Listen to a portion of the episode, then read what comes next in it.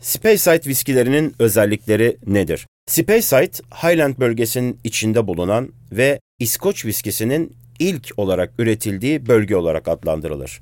Bu bölgenin en büyük özelliği nehirler bölgesi olmasıdır. Aynı zamanda bölge adını İskoçya'nın en büyük ve en hızlı akan nehri Spey'den almaktadır. Bu bölgede İskoç damıtım evlerinin neredeyse yarısı bulunur ve bölgenin muazzam sularını kullanırlar.